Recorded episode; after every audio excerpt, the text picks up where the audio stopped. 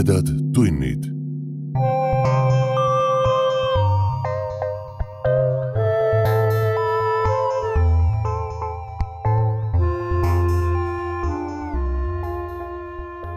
tere, hea ulmesõber. sa hakkad kuulama õudus- ja ulmejutuvestmis podcasti Tumedad tunnid viiekümne kaheksandat osa. mina olen saatejuht Priit Öövel. ma tean, sai ju lubatud, et jaanuaris puhkame. Aga kuidagi ei tahtnud teid siiski juttudeta jätta ja leidsime lahenduse, kus hundid söönud, lambad terved, nagu öeldakse. nimelt täna ja veel ühel päeval jaanuaris kuulete juttu, mis on ilmunud juba aastaid tagasi meie toetajatele lehel patreon.com kaldkriips tumedad tunnid. Need jutud koos palju muu huvitavaga ilmusid ka ulmeajakirja Reaktor detsembri numbris. niisiis, te kuulete juttu, mis oli esmakordselt eetris eelmiste jõulude ajal, Tumedad tunnid ekstra kaheteistkümnendas osas. Cleverhouse'i nimeline kasutaja on Redditisse üles riputanud viisteist juttu või juhtumit, mis temale omakorda on väidetavalt saadetud ühe psühhiaatriahaiglas töötava tuttava poolt, kes omakorda on neid patsientidelt kuulnud. vist. igatahes nimetatakse neid jutte Cleverhouse'i e-kirjadeks. ma loen teile ühe neist pealkirjaga Lumi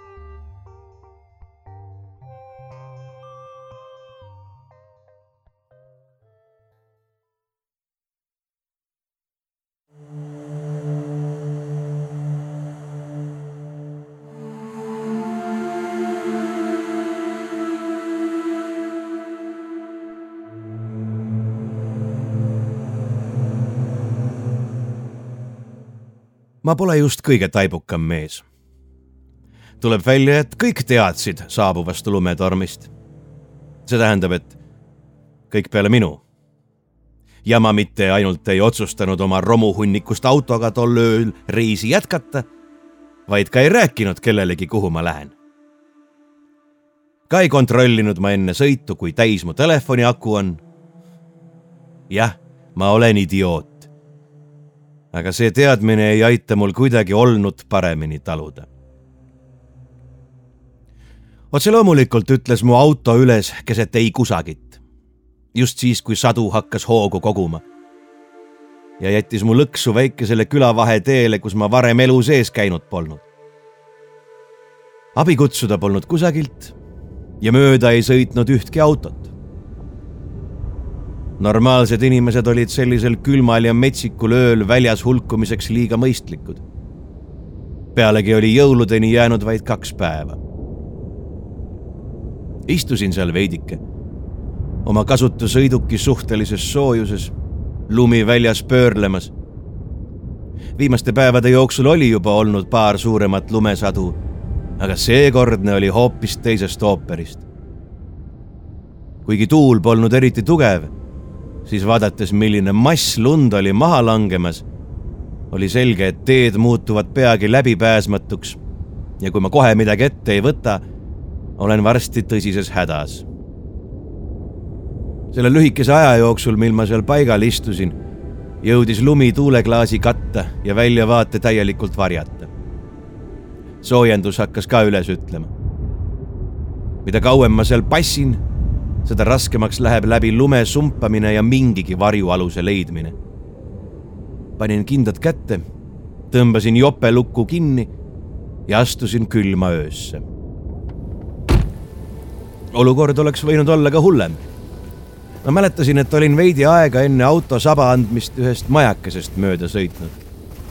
see ei saanud olla rohkem kui kilomeetri kaugusel või umbes nii.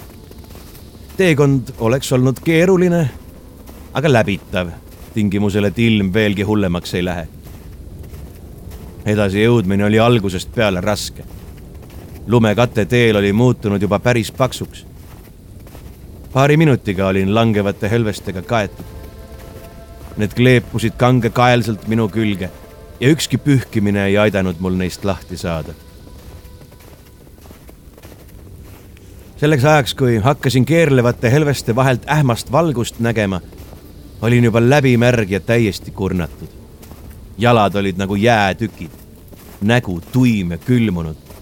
aga valguse soe oranž kuma innustas mind edasi liikuma ja andis mulle just nii palju jõudu, et jaksaksin veel need viimased meetrid edasi sumbata. kui ma lõpuks aiaväravani jõudsin, oleksin võinud kergendusest nutta. majake oli imeilus, täpselt nagu postkaartidel. Väike, mugavuse ja soojuse kindlus keset pimedust, lumetormi ja läbitungivat külma. aknad olid rõõmsalt tuledes ja vaevu märgatava jalgtee ääres seisid kaks lumemeest kui vaikivat valvurit. miski oli siiski kuidagi valesti. jõudes ukseni, leidsin selle lahti olevat ja väikesed lumekeerised lendlesid muidu nii sooja ja kutsuvasse esikusse astusin sisse ja lõin ukse enda järel kinni. äkki oli kõik kohutavalt vaikne. tundsin end ebamugavalt, sissetungijana. halloo? mu hääl kõlas väikeses esikus vaikse ja elutuna. On siin keegi?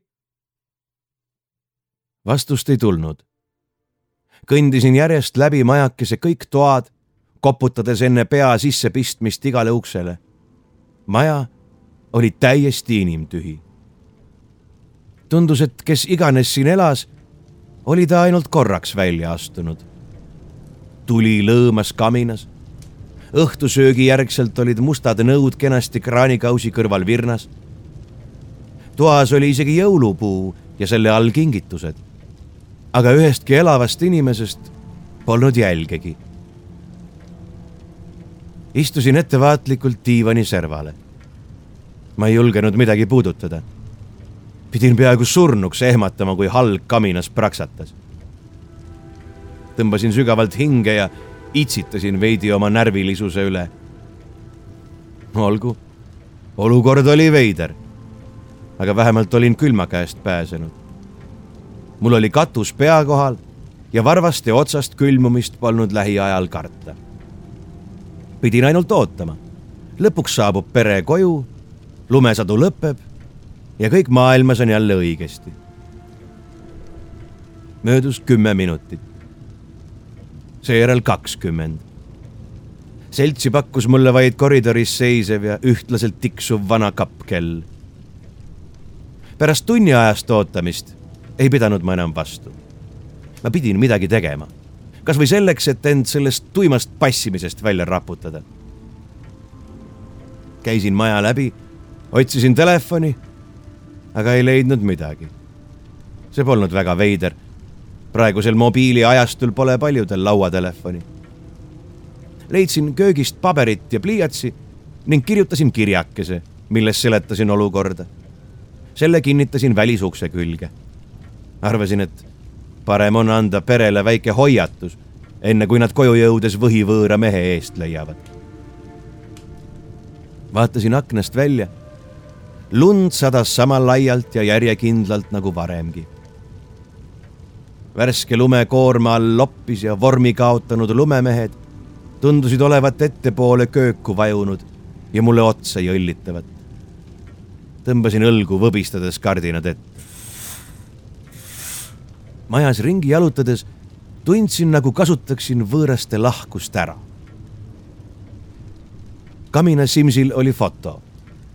kaks armsat last, poiss ja tüdruk, umbes seitsme ja kaheksa aastased ja nende isa, tõsine ja karmi näoga mees, kes nägi välja, nagu oleks omajagu raskeid aegu üle elanud. Ema pildil polnud, aga seegi pole tänapäeval eriti imelik sisendasin endale, et otsin majas ringi liikudes mingeid vihjeid selle kohta, kus pererahvas olla võiks. aga tegelikult arvan, et olin lihtsalt uudishimulik ja tahtsin oma pahaaimamatute võõrustajate kohta rohkem teada saada. maja oli ideaalselt korras. Tundus, nagu seda oleks igapäevaselt koristatud. isegi toas, milles lapsed kahekesi elasid, oli kõik puhas ja kena ainus paigast ära asi, mille ma leidsin, oli katkine taldrik. selle avastasin kööginurgast. pühkisin killud kokku ja viskasin prügikasti. see võttis kõigest minuti ja oli vähim, mida sain teha, arvestades külalislahkust, millega ma juba iseennast kostitanud olin.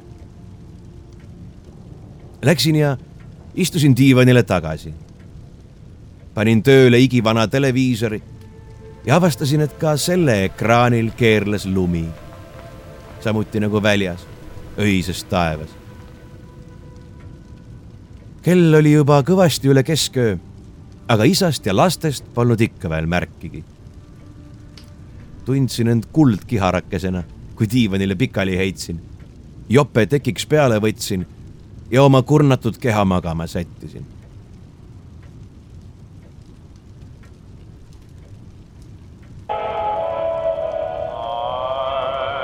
ärkasin võpatusega, pärast tunde rahutud tund.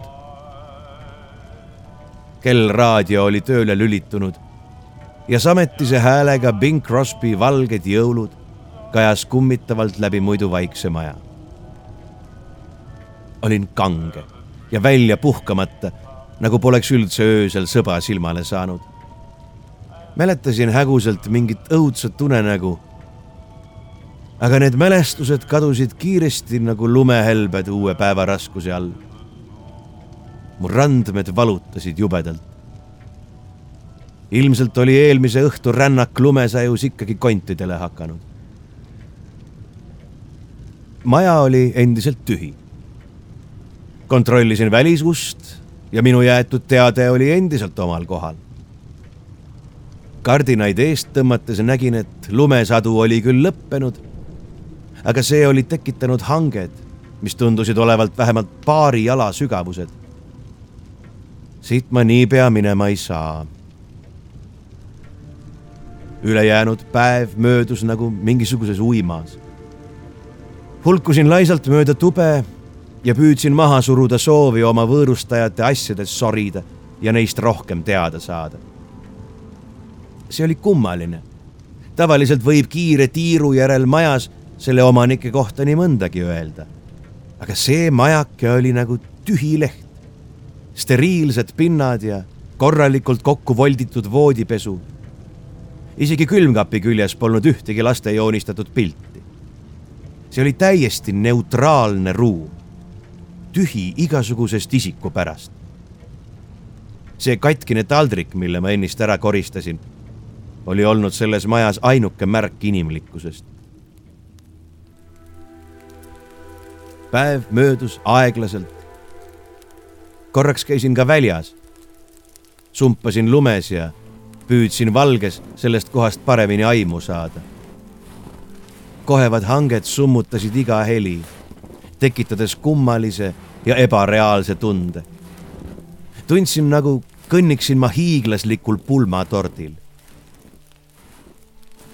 aianurgas oli väike kuur see nägi paksu lumekihi all välja nagu jõuluvana töökoja maalähedasem versioon. uks oli lahti, kuid ei tundunud eriti kutsuvana. sellest hoolimata rühkisin ma selle poole, soovides näha, mis saladused seal võivad peituda. Kuuri sisemus oli räpane ja räämas, vastupidiselt laitmatus korras olevale majale. kõikjal olid ämbliku võrgud ja seinal rippuvad tööriistad olid vanad ning roostes. tööriistalaual oli vaid üks tühi koht. koht, mida ei katnud tolm ega prügi. sealt oli hiljuti mingi riist võetud. Külm ajas mu peagi tuppa tagasi ja varsti olin saanud eelmise päeva süsi kasutades ka tule üles tulehakatuseks valmis pandud paberite hulgast leidsin kimbu pabereid, mis nägid välja nagu laste rohmakad joonistused. kui tuli oli korralikult põlema läinud, istusin diivanile ja asusin neid sirvima. üks joonistus torkas mulle eriti silma. Sellel oli kohmakalt, aga siiski äratuntavalt kujutatud majake. majakese kõrval seisid kolm kuju kaks neist tundusid seisvat käed puusas kulmud kortsus ja erksinised pisarad silmist voolamas. kolmas kuju oli palju suuremana joonistatud. tal olid raevukad punased silmad ja ta tundus käes hoidvat midagi, mis nägi välja nagu madu. miski selle pildi juures tekitas minus huvi. ma ei saanud aru, mis täpselt teised pildid olid tavalised süütud laste joonistused, aga see pilt häiris mind kuidagi. ülejäänud päeva veetsin magamistoast leitud vanu kauboi jutte lehitsedes. aga ükski neist polnud eriti huvitav ja ei suutnud mu tähelepanu kaua hoida. mu mõtted pöördusid aina tagasi selle kummalise väikese perekonna ja nende üksildase elu juurde võib-olla oli see normaalne, et nad päevadeks kuhugile kadusid. võib-olla oli see mingi veider pühade traditsioon. aga millegipärast ma kahtlesin selles. aeg venis. tegin veel ühe tiiru majas lihtsalt selleks, et end tegevuses hoida. lisasin puid tulle, et jätkuks ja valmistusin järjekordset ööd diivanil veetma. heitsin varakult magama uni oli rahutu ja ärkasin tihti. tõenäoliselt seepärast, et ma polnud nii rampväsinud kui eelmisel ööl. Paksu lumevaiba poolt summutatud ja moonutatud kummalised hääled hoidsid mind ärkvel ja tõid mu unenägudesse painajalikke nägemusi kadunud lastest ja nende turskest näota isast. tõusin vara ja vaatasin aknast välja üleöö oli pööranud sulale. lumevaip oli kõvasti alanenud ja silmapiiril särav ere päike andis lootust, et see päeva jooksul veelgi väheneb. külla tagasi matkamine saab olema raske, aga kindlasti tehtav. ja ei tohiks rohkem aega võtta kui paar tundi. pealegi tundsin, et olen külalislahkust juba niigi kurjasti kasutanud ja tahtsin sellest veidrast majast minema saada kirjutasin lühikese kirja, milles seletasin lahti, mis vahepeal juhtunud oli ja jätsin selle köögilauale. Samasse jätsin ka veidi raha. võtke seda kui varast jõulukinki, kirjutasin juurde ja astusin uksest välja. Läksin risti läbi aia, kahe lumemehe vahelt läbi värava poole. sulaga oli lumele tekkinud koorik, mis iga sammu juures mõnusalt krudises ma polnud eriti kaugele jõudnud, kui mu jalg lumes millegi taha takerdus ja ma oleksin peaaegu kukkunud. Alla vaadates nägin ümbritsevast valgest merest üles turritavat inimkätt. laskusin kohe põlvili märga lumme ja hakkasin kaevama. pihutäite kaupa jääd kõrvale lükates leidsin lume all lamava keha. tundsin ta kohe ära see oli pereisa. surnu nägu oli kummaliselt rahulik. Pea ühel küljel laiutas inetu verine haav. ta oli vist lumes libisenud ja end teadvusetuks kukkunud. suur kivi lebas pea all nagu padi ja külm oli ülejäänu eest hoolt kandnud. ma seisin hetke surnukeha kohal kõrval kükitav maja näis kogu stseeni kohutavas vaikuses pealt vaatavat. Alles siis nägin ma surnud teist kätt ja seda, mida ta oma valgete ja kangete sõrmede vahel pigistas. see oli vana ja ilmselgelt palju kasutatud härjaajamispiits. leitud lapse joonistus tuli mulle meelde ja mul jäi hing kinni. pöördusin kahe lumemehe poole, mis olid nüüdseks muutunud valgeteks vormituteks sammasteks. Astusin lähima juurde ja surusin meeleheitlikult oma käed sellesse, lootes sõrmede alt eest leida vaid lund ja jääd. aga ma teadsin, et see pole nii. lumi oli kerge ja kohev, pudenedes kergest puudutusest mõne hetkega olin lumekihi kõrvale lükanud ja selle alt paljastus see, mida oma südames olin juba aimanud. veel üks laip, seekord noore tüdruku oma, käed selja taha seotud ja kindlalt jämeda puidust aiaposti külge kinnitatud. kukkusin põlvili ja silmisse tõusid pisarad. ma ei suutnud ettegi kujutada, mis kannatusi nad olid läbi elanud. võib-olla olid nad kergendust tundnud, kui nägid isa kukkumas, arvates, et see lükkab nende karistust edasi või hoopis päästab sellest. ja siis muutus kergendus paanikaks, kui nad aeglaselt mõistma hakkasid, et nende isa enam ei tõuse. see kõik oli nii mõttetu, nii mõttetult traagiline. Need lapsed kummitavad mind sellest päevast saadik.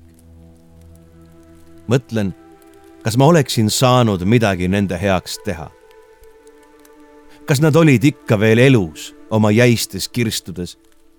sellal, kui mina nende olemasolust teadmatuna nende hubases ja külalislahkes majas ringi jalutasin. ma arvan, et osa minust jääb sinna igaveseks. sinna väikesesse talvisesse aeda, vahtima kahte surnukeha, külmunud oma viimases hääletuskarjes ja esimesi lumehelbeid, mis taas raskest, tinasest taevast neile langema hakkavad.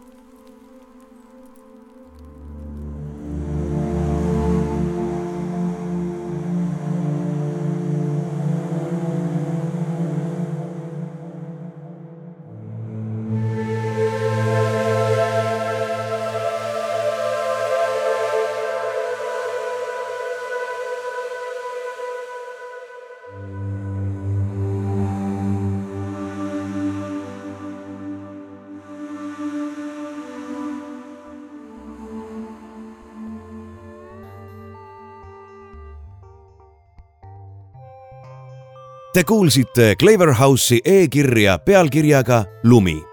tõlkisin ja lugesin mina, Priit Öövel. nädala pärast jõuab teieni veel üks lumine lugu Tumedad tunnid ekstra fonoteegist. seniks jagage meid ikka oma sõprade ja vaenlastega. kõhedate kuulmisteni